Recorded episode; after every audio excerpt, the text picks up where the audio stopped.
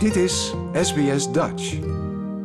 Wat doet een meisje uit Boskoop die Franse chansons zingt nou in WA, Tess? Ja, goede vraag. Ik, uh, ik, ik, weet het zelf soms nog steeds ook niet. Ik, jaren geleden, een jaar of zeven geleden, werd ik verliefd op een Australiër. En die uh, maakte de keuze om met mij mee te gaan naar Nederland. En daar had ik eigenlijk al een muzikale carrière. Dus ja, we hadden al die tijd gedacht van we blijven zoveel mogelijk in Nederland. Uh, totdat hij natuurlijk zeker ook ten tijde van corona ontzettend heimwee kreeg naar zijn familie. En uh, we besloten om, om hier een tijdje heen te gaan. En toen dacht ik, ja, die muzikale activiteiten, die moet ik dan natuurlijk wel hier voortzetten. Maar ja, Frans is al lastig in Nederland. Hoe gaat het dan in Australië? Ja, daar ben ik uh, achter aan het komen. Ja, hoe zag jouw carrière in Nederland eruit dan? Nou, dat ging eigenlijk heel erg goed. Zeker de afgelopen jaren. Ik was al jaren bezig met Franstalige muziek. Eigenlijk al vanaf 2012.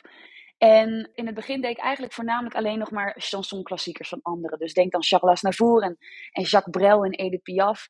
En op een gegeven moment vond ik het tijd worden om ook zelf te gaan schrijven. Want dat deed ik daarvoor. Toen schreef ik voornamelijk in het Engels. Uh, nu zou ik dan in het Frans moeten schrijven. Ik dacht ook van, is dat nou wel eigenlijk een goed idee? Want hoe kunnen die nummers nou eigenlijk overeind staan naast het repertoire van die grote chanson-iconen? Maar daar ben ik op een gegeven moment toch over gestapt, zeg maar. Want het, het, is toch wel heel erg leuk om je eigen muziek te maken. En als je erachter staat en je, je, ja, het is jouw muziek, dan kan het eigenlijk van nature overeind blijven staan tussen die muziek. Dus ik dacht, ik ga het gewoon proberen. Ik blijf ook gewoon mijn eigen muziek maken. En dat ja, werd heel erg goed ontvangen eigenlijk. Dus de afgelopen vier, vijf jaar heb ik heel veel opgetreden met, uh, met mijn eigen muziek ook. In combinatie met die chansonklassiekers. En dat ging heel goed. Dus denk aan twee à drie shows per week. Ja, maar je maakt het jezelf wel moeilijk om het dan in het Frans te doen. Ja, klopt. Ja, maar het is, het is, ik ben verliefd geworden op die taal. En ik merk ook gewoon dat ik daar mijn stem in heb gevonden. Dus uh, het is eigenlijk wat ik het allerliefste doe. Ik probeer ook nog steeds wel, ik zing nog steeds wel eens in het Nederlands. Ik heb nu ook een liedje uitgebracht, deels in het Frans. Een nummer in het Frans en dan hetzelfde nummer in het Nederlands. Maar het, het is toch niet hetzelfde. Ik heb echt gewoon, ja, de swing van die, van die Franse taal die vind ik niet terug in het Nederlands en eigenlijk ook niet in het Engels. Maar daar ben ik ook best wel blij om. Ja, want je bent dus wel uniek. Maar waar is die liefde vandaan gekomen? Hoe is dat zo gegroeid?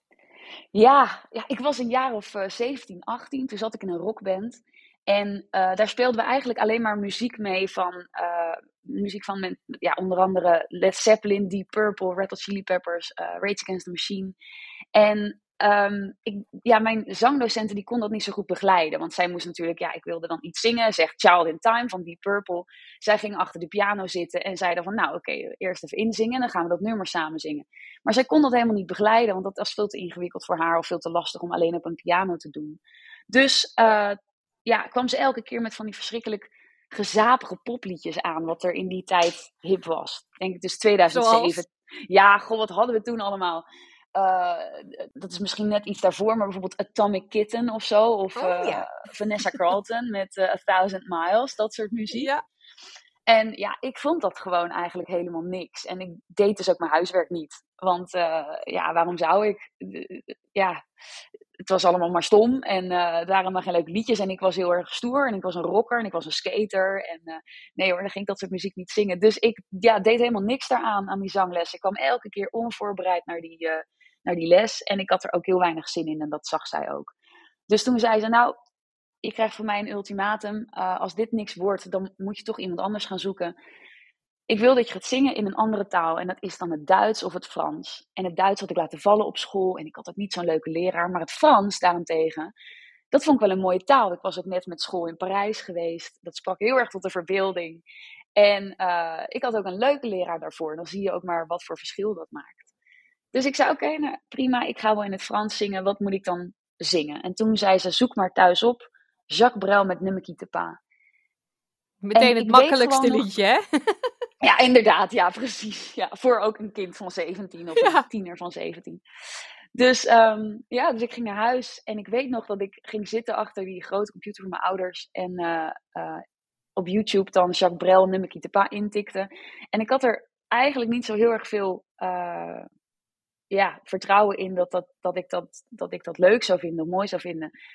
Maar ik klikte die video open en er is een video, de video van de Mikita Pa. Daar zingt Brel dat eigenlijk recht de camera in. En ik weet niet waarom en wat het precies met me deed, maar het maakte zo'n indruk op me. En uh, vanaf dat moment was ik gewoon was ik verslaafd. In eerste instantie aan, aan Jacques Brel, dus echt alles luisteren van hem. En vervolgens tuimelde ik natuurlijk in een soort eindeloze, bodemloze put van ja, chansonrepertoire. En dat heeft jaren geduurd voordat ik er eindelijk echt zelf iets mee deed. Want ik zong dat liedje voor die zangdocenten. En daarmee was dan de kous een beetje af. Maar dat chanson bleef toch wel een klein beetje in mijn achterhoofd zitten. Hmm, maar dan lijkt het me voor een, nou ja, je zei 17, 18-jarige, nog wel een hele stap om dan verder te gaan. En je zat in een band, rock, het is niet echt hetzelfde. Nee. je moet toch een soort van wilskracht hebben, want de, Franse muziek, we kennen al die klassiekers wel, maar heel veel nieuwe Franse muziek, ja, dat is toch niet aan de orde van de dag in Nederland. Nee, precies. En, en ik dacht ook dat er helemaal niemand op zou zitten wachten, om eerlijk te zijn. En bovendien dat ik ook niemand bereid zou vinden om, uh, om die muziek met mij te spelen. Want dat was toch helemaal niet stoer en hip. En inderdaad, die klassiekers kennen we allemaal. Of die kennen we misschien van onze ouders of van onze grootouders. Maar wat is daar nou aan om dat dan te gaan spelen, dacht ik. Um, dus ja, ik heb eigenlijk een paar jaar daarmee een beetje rondgelopen met de vraag van ja, wat kan ik hiermee? Misschien moet ik dat dan gewoon een keer eenmalig doen of zo. Dus toen was ik op een gegeven moment jarig en toen dacht ik, nou, mogen mijn bandleden, waarop ik dat moment, waarmee ik speelde op dat moment, en ook een aantal muzikanten uit een andere band, die mogen dat dan voor mij als een soort verjaardagscadeau aan mij, mogen ze dat instuderen. En dan gaan we gewoon op mijn verjaardag optreden in uh, het Paardcafé in Den Haag. Dan nodigen we daar vrienden voor uit en dan maken we een openbaar event van. Dus dan kan iedereen komen. En zij hadden dus een nummer of 8, 9, 10 hadden zij ingestudeerd. We speelden dat voor dat publiek. En zowel het publiek als de muzikant op het podium vonden het eigenlijk echt te gek. Dus de mensen in het publiek die zeiden, joh, dit moet je vaker doen. Maar ook mijn muzikanten zeiden, ja, dit is zulke leuke en uitdagende muziek en zoiets anders dan wat wij doorgaan spelen. Dit willen we wel vaker doen. En dat was voor mij net de juiste motivatie om dan hier echt serieus iets mee te gaan doen. Hmm. Nou is een liedje zingen in het Frans nog weer wat anders dan zelf liedjes schrijven in het Frans. Heb je heel veel Franse lessen genomen nog? Heb je die leuke leraar weer opgezocht of zo? Nee, die heb ik ook eigenlijk niet zo heel vaak meer gezien. Die, die Franse leraar van de middelbare school die is wel nog een paar keer naar optredens gekomen. Dus dat is wel heel erg leuk. Maar ik merkte op een gegeven moment wel dat ik wat aan mijn Frans moest gaan doen. Want het was heel erg vijf HAVO Frans en dan had ik erg mijn best gedaan. Maar dan toch, ja, Frans dat je op school leert is natuurlijk, daarmee overleef je het niet als je, uh, als je Frankrijk ingaat.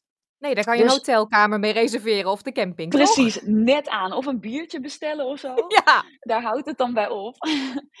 dus uh, ja, of van die hele rare dingen. Ik weet niet of jij je dat nog herinnert van Franse les, maar je moest altijd belachelijke dingen leren. Bijvoorbeeld waar het VVV-kantoor is. Dat is een van de eerste woorden die ik leerde.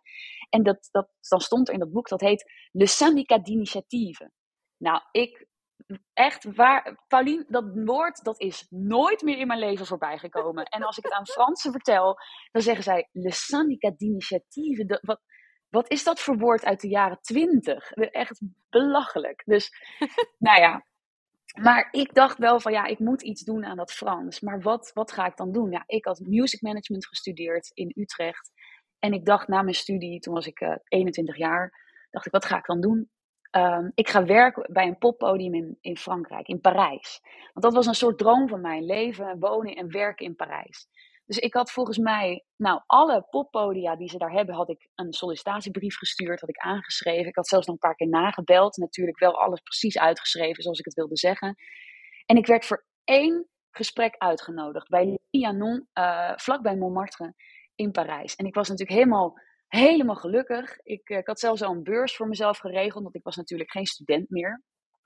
En toen kwam ik daar aan en ik had daar een gesprek. En zij merkte eigenlijk al heel gauw, ja, deze meid, uh, haar Frans is nou niet echt top-notch. Uh, ja, misschien moeten we daar, we, we, kunnen er geen persbericht laten schrijven. We kunnen er eigenlijk ook nu nog niet de telefoon op laten nemen. En ja, stagiaires zijn er toch ook best wel vaak niet alleen voor henzelf om iets te leren, maar ook om werk uit handen te nemen. En ik zou waarschijnlijk alleen maar werk zijn voor die mensen daar. Dus um, ja, dat werd niks. Dus ik, ik voelde het al aan toen ze gedag zeiden. Toen dacht ik, dit gaat hem niet worden. Dus ja, dat was een droom die als een soort zeepbel uiteenspatte. En toen dacht ik eigenlijk direct daarna, oké, plan B. Ik ga in Disneyland Parijs werken. En toen heb ik daar aan mijn Frans gewerkt. Ja, wel een leuke plek. Kan ook. Ja, echt heel erg leuk. En dat is nu natuurlijk al elf jaar geleden of zo. En dat, ik heb daar nog steeds zulke goede herinneringen aan. En je denkt dan, ja, het is natuurlijk ook een deels Amerikaans bedrijf. Maar daar merk je eigenlijk in de bedrijfsvoering op de vloer vrij weinig van. Want het zijn natuurlijk wel Fransen. En die willen gewoon dat je Frans spreekt. Dus geen enkele briefing was in het uh, Engels. Als je een vraag had, dan moest je die gewoon in het Frans stellen. En je kreeg ook echt niet in het Engels antwoord. Dan, en dan leer je het ook wel. Ja, dan moet je. Ja, dus ja, toen daar heel erg hard aan gewerkt. En de afgelopen jaren vooral uh, veel samengewerkt, ook met Fransen, met een, Franse um, ja, musical director, componist, waar ik heel veel mee schrijf uit Den Haag. Uh, die mij ook daarin helpt. En ik heb veel Franse lessen ook daarna weer genomen. Want het is wel iets, ja, je moet het gewoon wel echt onderhouden. En ik moet het ook altijd nog laten checken. Ik pretendeer absoluut niet uh, heel goed Frans te spreken. En mijn liedjes zijn ook, denk ik, daarom ook, um, denk ik, heel goed te volgen voor mensen die gewoon, uh, ja, toch vijf HAVO Frans, wat is het, zes VWO Frans hebben gevolgd. En dat is misschien ook juist alweer heel erg leuk, want hoe simpeler je het houdt, hoe echter het soms is. Het hoeft allemaal niet ingewikkelde poëzie te zijn. Nee, nou, ik heb natuurlijk een paar liedjes geluisterd. Je wordt er hartstikke vrolijk van. Je zit meteen op een uh, terrasje in Parijs, inderdaad. En eh, je zegt net, uh, de mensen die kunnen het waarschijnlijk volgen als ze een beetje Frans hebben gehad. Maar ik zag Engelse ondertiteling. Toch fijn. Ja, ja want ik had ook wel zoiets van, we moeten het toch ook wat toegankelijker maken. Uh, ook in Nederland. Dus ik heb ook bij al die liedjes dan Nederlandstalige ondertiteling. Um, want wat je gewoon heel vaak hoort is dat mensen, als ze het toch niet kunnen volgen, dan ja, klikken ze toch al heel gauw weg. Terwijl dat zonde is, want je hoeft het allemaal echt niet woordelijk te volgen om die muziek te voelen. Maar het helpt soms wel. Dus um, ja, ik had eigenlijk al heel gauw dacht, dat ik dacht, we moeten daar gewoon altijd Engelstalige en Nederlandstalige ondertiteling bij. Uh, en, en dan krijgt de muziek gewoon wat meer de kans om mensen aan te spreken. Hmm. We hebben de afgelopen jaren in Nederland natuurlijk wel een Wende Snijders gehad, die uh, best wel succesvol was natuurlijk met haar uh, Franstalige repertoire. Um, nu, op dit moment, is er een, uh, een hele leuke rapper. Uit, ja. was het Flevoland, die half Nederlands, half Frans zingt. Uh, Stromae ja. kennen we natuurlijk allemaal, die al een aantal jaartjes meegaat. Dus het kan wel, hè? Ja, precies. En er, er is echt ontzettend veel ook. En er zijn nog steeds ook uh, er zijn ook echt nog wel artiesten in Nederland, Nederlands, uh, ja, Nederlandse van origine, mensen die ook in het Frans zingen. En die toch een beetje onder de radar blijven, wat wel heel erg jammer is. Maar er is ook heel erg veel Franstalige muziek in Frankrijk of bijvoorbeeld uit, uit Quebec, die ook gewoon onze landgrenzen niet overkomt. En dan is het wel fijn als er artiesten zijn zoals inderdaad, nou Wende, dat is natuurlijk al echt een tijd geleden. Die gaat nu ook helemaal haar eigen pad.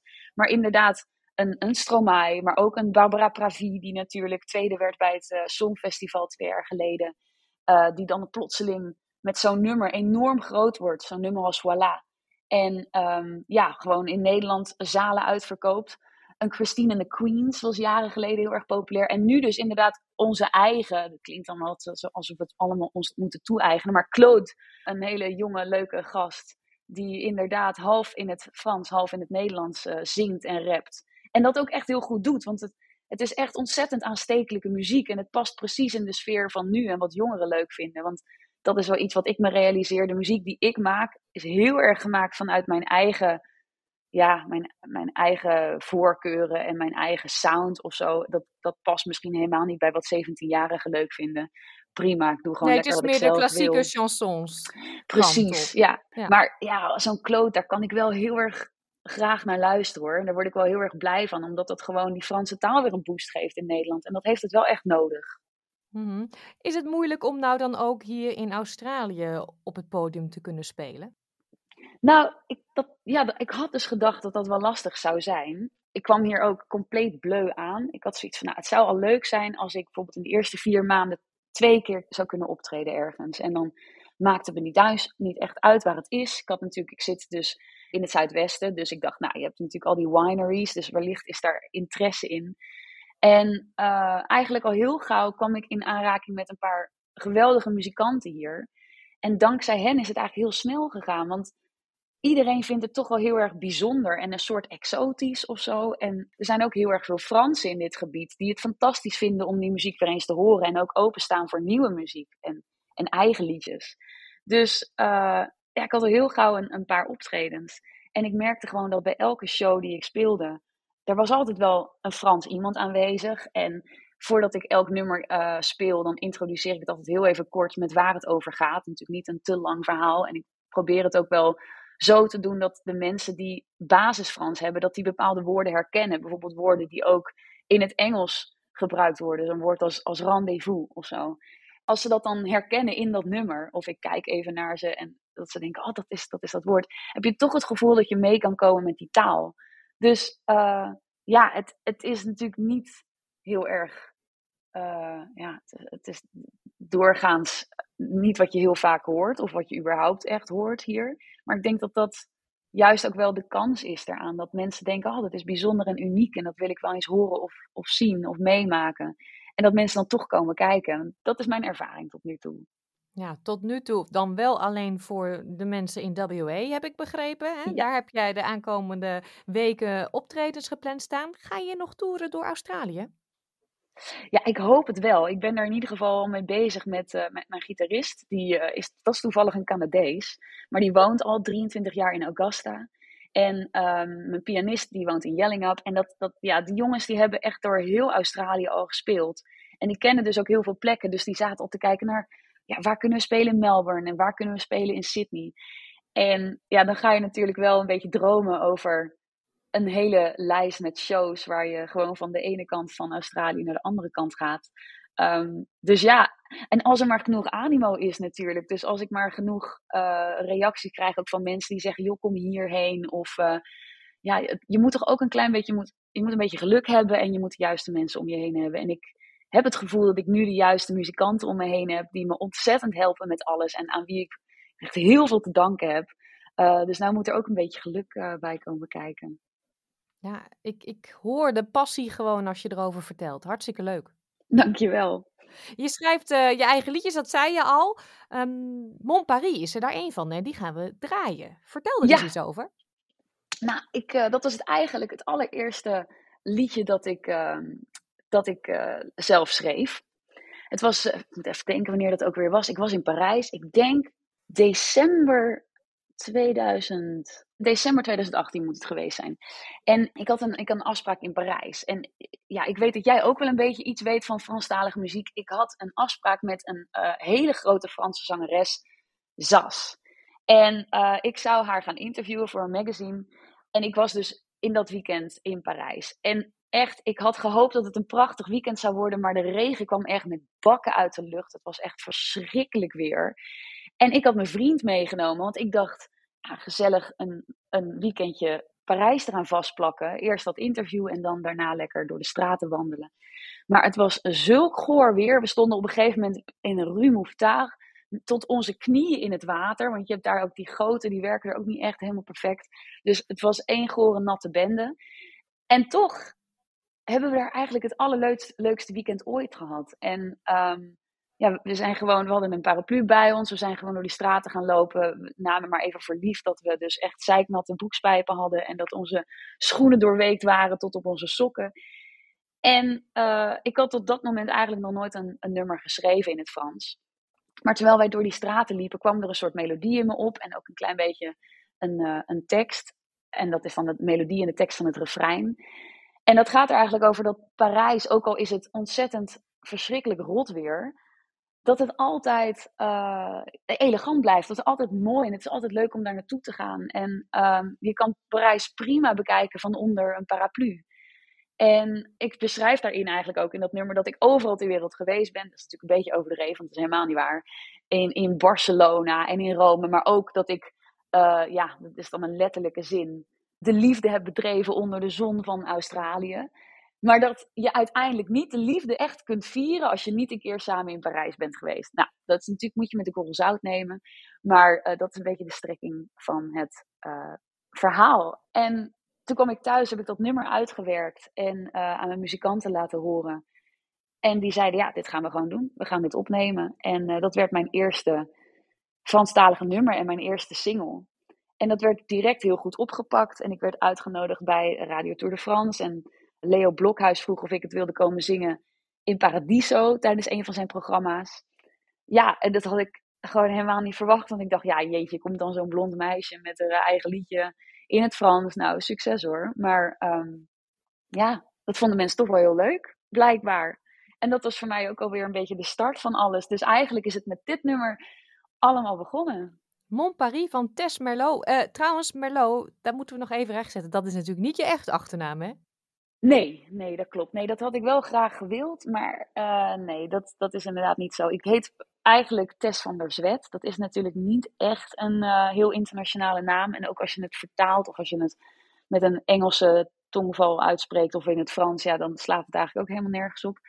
Dus ik dacht, ik moet daar toch iets mee doen als ik de grens over wil. En, en ja, het moet ook Frans klinken en iedereen moet het kunnen uitspreken. En toen kwam mijn vriend, mijn Australische vriend, dus met uh, Merlot. En toen dacht ik eerst, ja, ik weet het niet. En toen heb ik er een nachtje over geslapen. En de volgende ochtend dacht ik, ja, ja, dat moeten we doen. Dus Tess Merlot.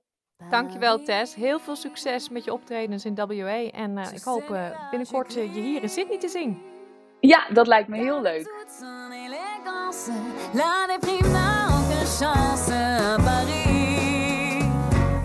J'ai bien tenté m'amuser à Barcelone, mais merveilleux du lycée de Rome dans ce monde qui me séduit à chaque seconde. Je ne jouis vraiment de la vie dans mon petit coin paradis. Moi j'ai trouvé l'homme de ma vie en Asie, on s'est aimé sous le soleil de l'Australie. De l'amour ne peut rire ni fleurir qu'en flânant dans les rues de Paris. Paris m'a volé mon cœur, même quand il pleut sur ce rue, il me remplit de bonheur.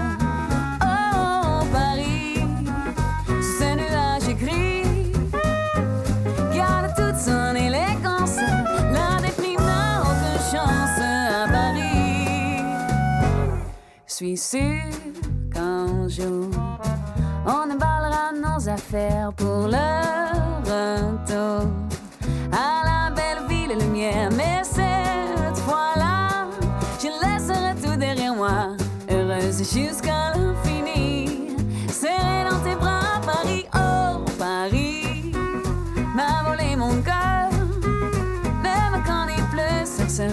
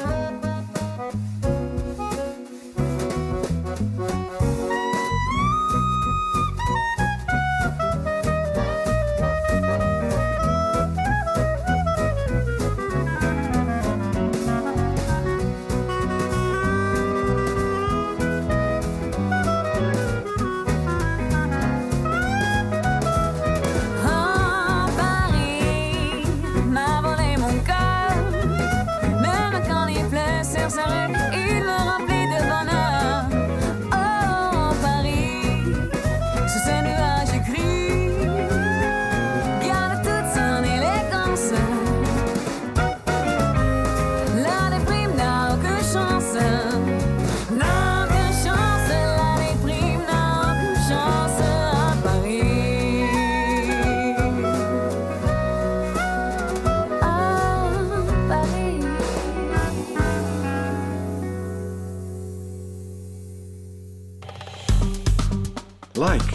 deel, geef je reactie.